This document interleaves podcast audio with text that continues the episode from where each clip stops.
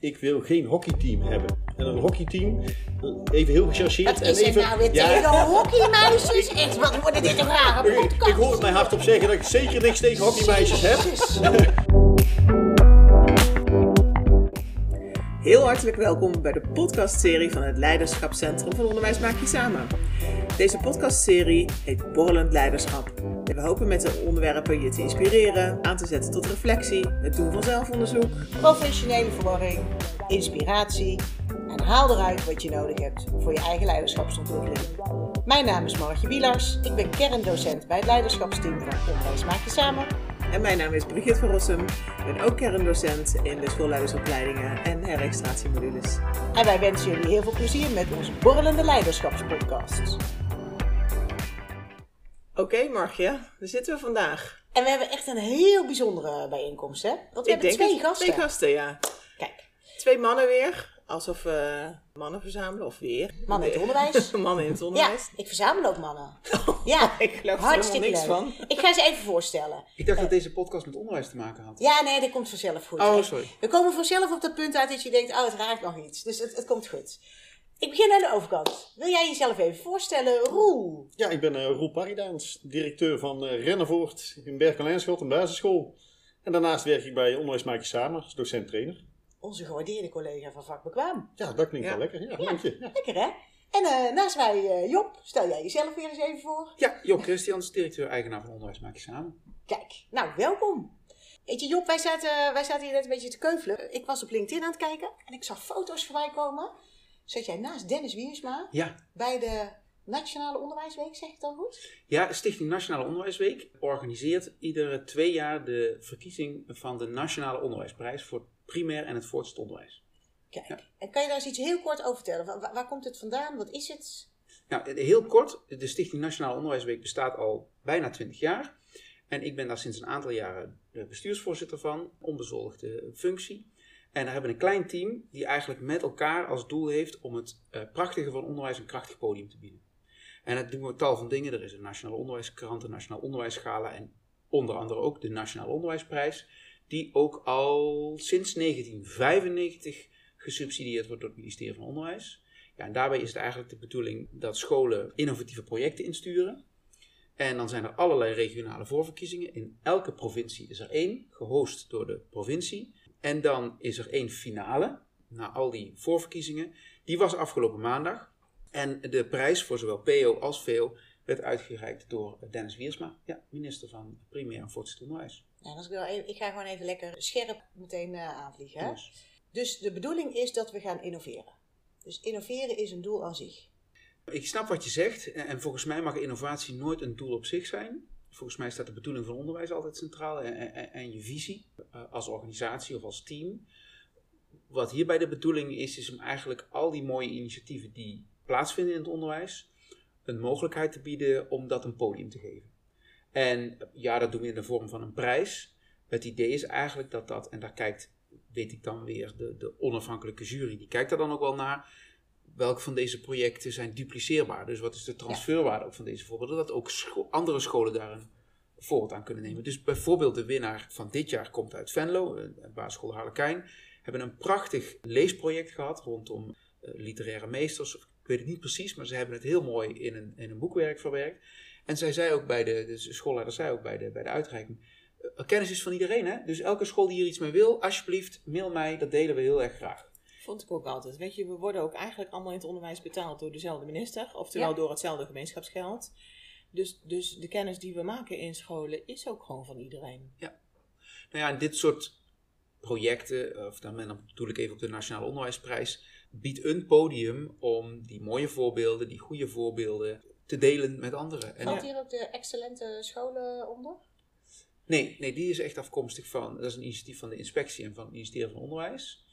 En eh, ja, daarbij kunnen scholen zich echt aandienen bij de inspectie. Dus dat is echt iets van de Rijksoverheid, om excellente school eh, te worden. Weet je wat ik nou zo bijzonder vind van dit soort dingen? Hè? Want pas geleden zag ik jou ook Roel op eh, LinkedIn voorbij komen. En jullie zijn eh, een klassenwerkplek geworden Ja. van dit jaar. Klopt. Dus Is dat ook een prijs? Ja, het is een, niet, niet echt een prijs, zo mag je hem niet zien. En er zit ook geen klassificatie meer aan vast. Je hebt niet, voorheen had je nog een rangorde. En die hebben ze gelukkig dit jaar ook losgelaten. Dus je krijgt een erkenning voor iets wat je doet. Zo mag je hem zien. En waar heb jij dan de prijs voor gekregen? Welke erkenning hebben jullie als school gekregen? Het, het is een, een soort tevredenheidspeiling, maar dan naar werkgelukfactoren binnen je personeelsbestand. Dus waar worden mensen En echt de gelukkig van? prijs die je kan krijgen, toch? Ja, precies. Het grootste compliment voor het team zelf levert het uiteindelijk op. Ja. En de teamleden vullen dat ook in? Ja. Of, die doen, of die nomineren de school, of hoe werkt dat? Zij krijgen allemaal een vragenlijst en vullen dat allemaal in. En daarna wordt dat vergeleken met de rest van Nederland. En de bovenste 20% geloof ik, volgens mij is dat criterium, krijgt dan het predicaat klassenwerkplek. Dus nou, ik blijf gewoon even lekker verder Ja? scherp aanvliegen. Hè? Mhm. Al deze dingen die we nou benoemen. Een klassenwerkplek, excellente scholen, zo'n onderwijsweek. Helpen wij nou, verduurzamen wij nou goede ontwikkelingen? Of zijn dit kortdurende impulsen die eh, het vak misschien een, een mooi eh, podium geven?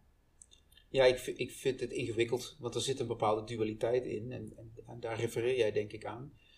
Zoals ik het zie, is, zijn het mogelijkheden om ook met je team of met je organisatie te vieren. En dat is iets met de actiegerichtheid die we kennen in het onderwijs. Natuurlijk actiegericht in de zin van doen, is het ook wel eens heel mooi om stil te staan bij wat je met elkaar bereikt hebt. Dus als ik dan afgelopen maandag al die enthousiaste kinderen en teamleden en leraren zie, dan denk ik, ja, deze mensen die krijgen echt even een moment om ontzettend trots te zijn op wat ze bereikt hebben. Wat ik bij jouw rol ook hoor. Ja, dat dat is ook- in je team. Ja, dat is ook precies wat klassenwerkplek echt daarna doet. Ik bedoel, ehm, dat je de, dat predicaat meekrijgt, dat is één ding. Maar het jaar daarna word je gevraagd voor interviews. Ze komen echt bij je op school filmen om te kijken wat is dat nou wat, wat het speciaal maakt. Waar zouden andere scholen eh, inspiratie kunnen vinden binnen jouw school? Vergroot het de trots van je team? Aan de binnenkant zeker. Zo werkt het echt. Oké. Ja, wat- wat heb je voor mooie dingen zien gebeuren? Weet je, personeelsleden, en dat is het, eigenlijk het gekke aan zo'n zo'n peiling. Ze vullen hem zelf in en zijn daarna trots, trots op hetgeen wat ze hebben ingevuld. ja, eh, maar zo werkt het echt. Maar daarna krijg je dus... Wij van WC eens? wij, wij keuren WC eend, maar eigenlijk doet iedere school dat. En dan toch val je op als school. En ja, het maakt de mensen enorm trots. En het geeft ze ook wel iets meer body, ook naar de buitenwereld toe. Om uit te leggen, wat doen wij nu precies aan de binnenkant. Nou ja, het verhoogt ook, zoals ik het zie, het bewustzijn van je eigen handelen. Hè? Dus door uit te leggen aan anderen, of dat nou aan een jury is, of in een interview, of in een. Door uit te leggen aan anderen wat je doet en waarom je het doet, nou, sterkt ook je eigen verhaal. En kan je wellicht ook helpen om dat verhaal nog verder te versterken. En daarmee dus ook je handelen en dus ook je professionaliteit. Ja, Ja, ik, herken, ik herken de trots. Mhm. Ik was onderwijskundig leider van een school eh, 15 jaar geleden. En wij hebben toen een, eh, een onderwijsprijs, een Brabantse onderwijsprijs gewonnen. En eh, nou, de trots vond ik fantastisch. Maar we hadden net in de vorige podcast hadden we het even over epic failures.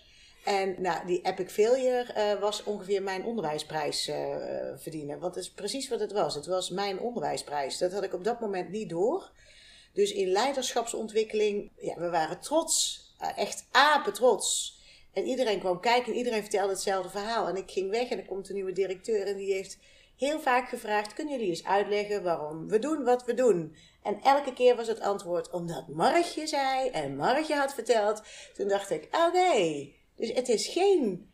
Daar heb ik heel veel geleerd met terugwerkende kracht, maar het is geen verduurzaamde ontwikkeling geweest. Ja, omdat hij aan jou als leider zo vasthing. Ja. Toen daar op dat En moment. ik, ik, ik vraag me af of dit, niet, of dit soort prijzen niet altijd heel erg aan de leider vasthangen. Dat is niet de ervaring die ik heb. Klassenwerkplek is echt wel een andere Precies. soort. Dat- die mensen zijn echt trots op zichzelf en zo, de manier waarop ze met elkaar omgaan en zoals ze werken binnen die school. En dat heeft verder in hun ogen ook weinig relatie met hetgeen wat ik daar doe. Kijk, Ja, maar hier zit iets heel ingewikkelds in, denk ik, als het gaat om leiderschap. Je bent de leider. Hè, dat veronderstelt dat je de bakens verzet of dat je eh, de stip op de horizon bepaalt. En ja, daar heb je ook mensen in mee te nemen. En, en nou, we hebben in een eerdere podcast ook gehad, als ik kijk naar mijn eigen bedrijf, hoe mooi ik het vind dat iets groter wordt dan jezelf. Ja, daar is ook iets voor nodig. Allereerst tijd.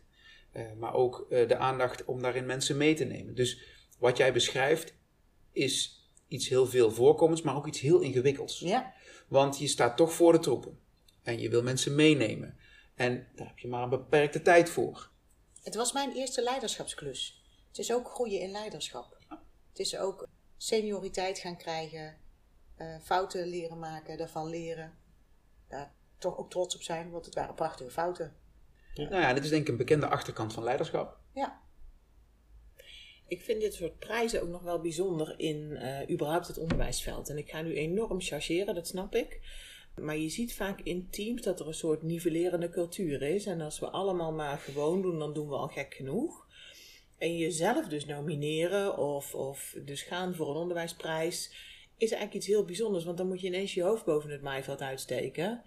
En uh, je ziet vaak door die nivellerende cultuur dat dat weer naar beneden toe getrokken wordt. Ik maak nu allerlei bewegingen die je helemaal niet kan zien natuurlijk. Als je een podcast luistert, maar van die, van die bewegingen alsof hè, de krabbetjes uh, de ander uit de krabbenmand weer naar beneden toe trekken. Dus dat is ook wel iets van een soort cultuur of bedding die je al moet hebben in je team, denk ik, voordat je dit soort dingen ook kunt doen. Dus ook dat vraagt iets van je leiderschap. Straalangst. Nou, nou dit is echt iets typisch Nederlands ook. Hè? Elma Harris, die is hier vaak in Nederland geweest, heeft een paar mooie boeken geschreven over onderwijskundig leiderschap.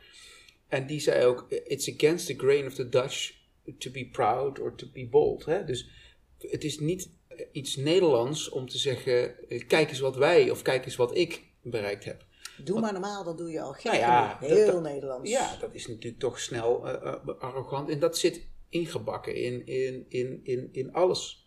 In heel veel en toch hoor ik het jullie zeggen. En ik, volgens mij kan het ook echt wel anders binnen zo'n schoolorganisatie. En dat is misschien ook wel juist waarom wij klassenwerkplek zijn geworden. Dat is juist omdat wij zoveel aandacht hebben besteed aan die onderlinge verschillen. En die zo zijn gaan waarderen bij elkaar. Dat het voor ons echt heel gewoon is dat wij echt in allemaal is iedereen wel ergens goed in. Dus die verschillen zijn zo groot en daar maken we zoveel gebruik van. Ja, maar ik weet dat jij dat ook echt heel bewust als leider ingezet hebt. Tenminste, mij, ik herinner me uh, wat je op Mhm. een van de lesdagen hebt verteld, Ja. uh, of, of misschien toen wel in het onderzoek uh, naar gespreid leiderschap toen ik bij jou op school ben geweest. Je hebt die metafoor van de hockeymeisjes gebruikt. Ja, ik heb altijd gezegd, ik, ik wil geen hockeyteam hebben. En een hockeyteam, even heel gechargeerd. Wat is en er even, nou weer Ja, tegen hockeymeisjes? Echt, wat wordt dit een rare ik, podcast? ik hoor het mij hardop zeggen dat ik zeker niks tegen hockeymeisjes heb. Dus gaat neemt ineens een aparte wending. Dat Maar is jouw tweede epic failure. voor, Hockeyen. voor, voor de metafoor, Marije. Het hockeyteam waarbij je uiteindelijk aan de buitenkant niet meer ziet wie nou wie is. Omdat ze allemaal de paardenstaart op dezelfde plek op het hoofd hebben staan. En ik zie dan uiteindelijk zie ik daar een heel team hetzelfde over dat veld heen gaan. Ik ben echt bewust op zoek gegaan naar grote verschillen tussen mijn teamleden. Ja. En in sollicitatiegesprekken waar wij zagen dat de mensen goed waren, maar heel veel leken op hetgeen wat wij al kenden en wisten, Ja. hebben wij heel bewust gekozen. En ik noemde dat wel spottend de tropische verrassing. Ja. Hetgeen waarvan we gewoon niet wisten wat het ging worden, Ja. maar we zagen wel kwaliteit. Maar dat, hè, dat, dat binnen, binnen Deep Democracy noemen ze dat eh, Harry, hè? Eh, Harry, Harry doet het Harry anders. doet het anders, En ja. Van Danielle de Bruin en zo. Ja. Eh, dat vinden mensen toch lastig. Hè? Want het, ik, ik heb een tijdje terug ook zo'n artikel gelezen over elke leider organiseert ook zijn eigen tegenspraak. Mhm. en zijn, zijn, eigen, zijn eigen kritische veld. Maar als je altijd dezelfde kleur en taal om je heen pakt, want we snappen elkaar zo lekker. En dan met kleur bedoel ik de, qua management drives of TMA of zoiets dergelijks. Hè? En, en dezelfde taal, we, ze vinden alles lekker snel handelen of lekker lang over praten. Dan gebeurt er ook zo weinig in je organisatie. Dus wat jij gedaan hebt, is heel bewust allerlei verschillende kwaliteiten, talenten bij elkaar zetten. De vraag is dan wel, wat heb jij dan gedaan? Laten we daar een volgende podcast over doen. De vraag is, wat heb jij dan gedaan om, om dat in je teamcultuur, Ja. in je kwaliteitscultuur zo weg te zetten dat het geen onderlinge overtuigingskracht of, of sabotage wordt, maar dat het echt kracht wordt van je team. Echt synergie uiteindelijk. Ja, dat 1 en 1 ook echt meer is dan, eh, dan 2. Want Nou dan is een prijs ook een prijs en dan ben je Ja. met z'n allen trots. Ja, en vaak precies. is een prijs, want ik moet eerlijk zeggen, die onderwijsprijs bij ons, wij waren apen trots als team. Pas jaren later begreep ik dat het helemaal geen teamprijs was. Ja. En dan is het toch, Ja. dan zit er toch een soort raar randje om zo'n prijs. Hey, twee mooie leiderschapslessen in deze podcast, eh Margja. Ja, Zorg ervoor dat het niet eh, het Margjefeest wordt. Nee, eh, zorg ervoor dat het dus niet ja het feestje van... zijn wel gezellig. Ik geloof het meteen. het feest van de leider wordt. En ja, omarm die diversiteit. De kracht van diversiteit. Dank Mooi. jullie wel.